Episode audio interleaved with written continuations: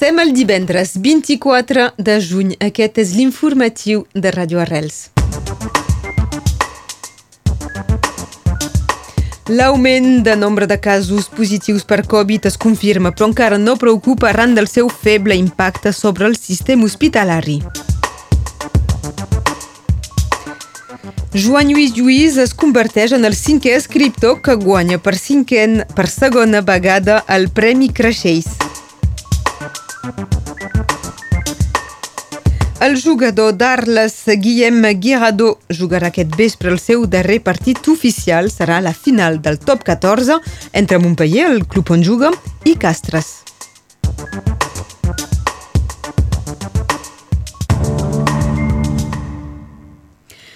Ahir, a inicis de tarda, un incendi es va declarar entre Sorred i la Roca de l'Albera amb l'intervenció d'uns 130 bombers que van aconseguir apagar les flames poques hores més tard.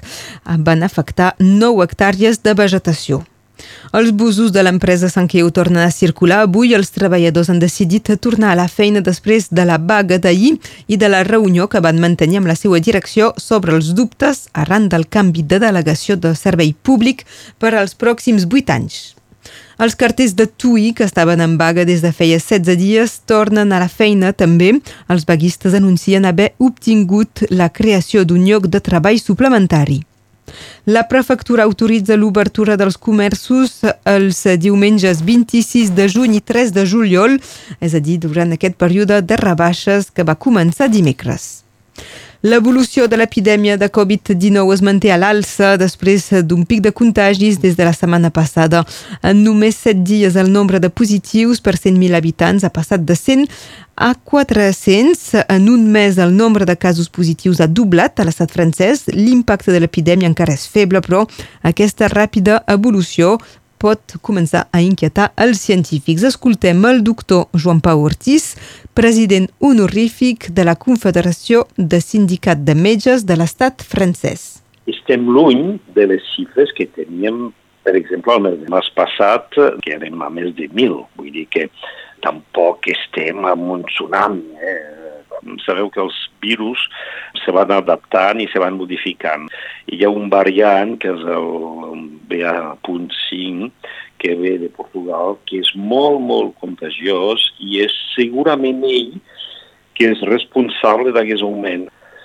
Amb aquesta posada una altra vegada se pot plantejar de tornar a demanar a la gent de posar-se una mascareta. Inclús jo recomendo a la gent fràgil, a la gent més gran, que porti la mascareta si eh, és a dintre d'un lloc molt tancat i que hi ha molta gent. És una precaució avui que no és obligatòria, però que és útil i que el govern potser tindrà que tornar a plantejar segons l'evolució de la situació. Aquest és el consell del doctor Joan Pau Ortiz, president honorífic de la Confederació de Sindicat de Metges de l'estat francès. A l'hospital, de moment, l'impacte és feble. Actualment, a Catalunya Nord, hi ha 139 pacients amb Covid hospitalitzats, quatre dels quals en cures intensives. L'ARS, l'Agència Regional de Salut, eh, va validar ahir la qualitat de l'aigua del litoral nord-català. 51 platges van ser analitzades i 7 llacs que no presenten risc de salut per als banyistes. La zona de bany que més preocupa és el llac de Sant Joan Pla de Cors, on s'ha detectat la presència d'una bactèria en petita quantitat que per ara no impedeix el bany, però demana un seguiment del seu desenvolupament. Ucraïna i Moldàvia són oficialment estats candidats a integrar la Unió Europea. És el pas previ perquè s'obrin negociacions amb Brussel·les per iniciar el procés d'adhesió, un procés que es preveu llarg. Hauran de complir les reformes que els hi ha exigit la Comissió Europea, que la setmana passada va recomanar que se'ls concedís l'estatus de país candidat. En canvi, les candidatures d'Albània i Macedònia del Nord són rebutjades pel bloqueig de Bulgària. Passem a la cultura. L'escriptor de Terrats, Joan Lluís Lluís, ha guanyat el 51è Premi Joan Creixells de narrativa amb la seva Junil a les Terres dels Bàrbars. Aquesta novel·la també va guanyar el Premi Òmnium a la millor novel·la de l'any. És la segona vegada que Joan Lluís Lluís guanya el Premi Creixells que atorga l'Ateneu barcelonès. Inscriu així el seu nom a la curta llista de cinc escriptors que han repetit aquest premi, que és el més antic de la literatura catalana. Els altres són Jesús Moncada, Baltasar Porcel, Jaume Cabré i eh, Joan Francesc Mira. L'andorrana Teresa Colom serà la nova directora de la Fundació Ramon Llull en substitució de Vicenç Villatorro, segons ha informat el govern d'Andorra. Colom és llicenciada en Ciències Econòmiques i Empresarials per l'Universitat Pompeu Fabra. L'any 2016 va guanyar el Premi de Narrativa Maria Àngels Anglada pel llibre La senyoreta Keaton i altres bestieses. El casal de Perpinyà organitza actes per la Festa Major de Perpinyà. Avui hi haurà un espectacle amb el duet Pa d'Ocell, un concert del grup Xirment i un concurs de truites començarà a les 6 i mitja al 23 Avinguda del Liceu. Demà les activitats seran a fora, al pàrquing del Mercat de Sant Martí i començaran a les 4 de la tarda amb jocs de fusta seguit d'un espectacle de circ, concerts de Pep Lledó, Rumba, Kumo i el DJ Tabasco Driver. Per sopar es proposarà una fideuà. Passem als esports. En rugby a 13 els dracs catalans jugaran aquest diumenge a les 4 i mitja al camp de Castelfort per la setzena jornada de Superliga. Actualment els dracs es troben a la segona plaça de la classificació amb 6 punts de retard sobre el líder St. Helens que ahir va guanyar 42 a 12 davant de Leeds. En rugby a 15 aquest vespre se juga la final del top 14 entre Montpellier i Castres. A notar que serà el darrer partit de la carrera professional del català Guillem Guiradó abans de jubilar-se. Hi haurà més presència catalana en aquesta final. També amb l'equip de Montpellier eh, jugarà Enzo Forleta i eh, costat Castres cal destacar Quentin Walker, que va ser format a l'USAP després de passar pel Liceu Maiol. L'àrbitre de la final és de Vilallonga de la Salanca, és Joel Trenini.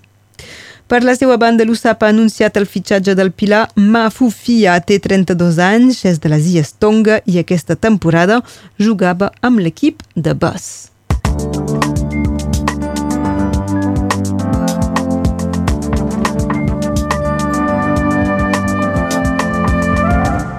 Passem a la previsió del temps amb l'Enric Balaguer.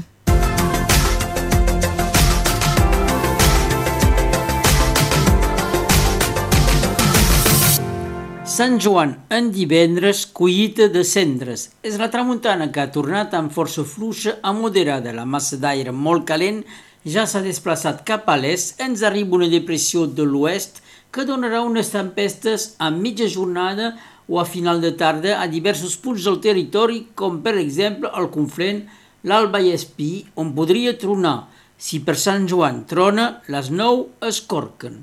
Als altres llocs tindrem, generalment, un cel de clarianes.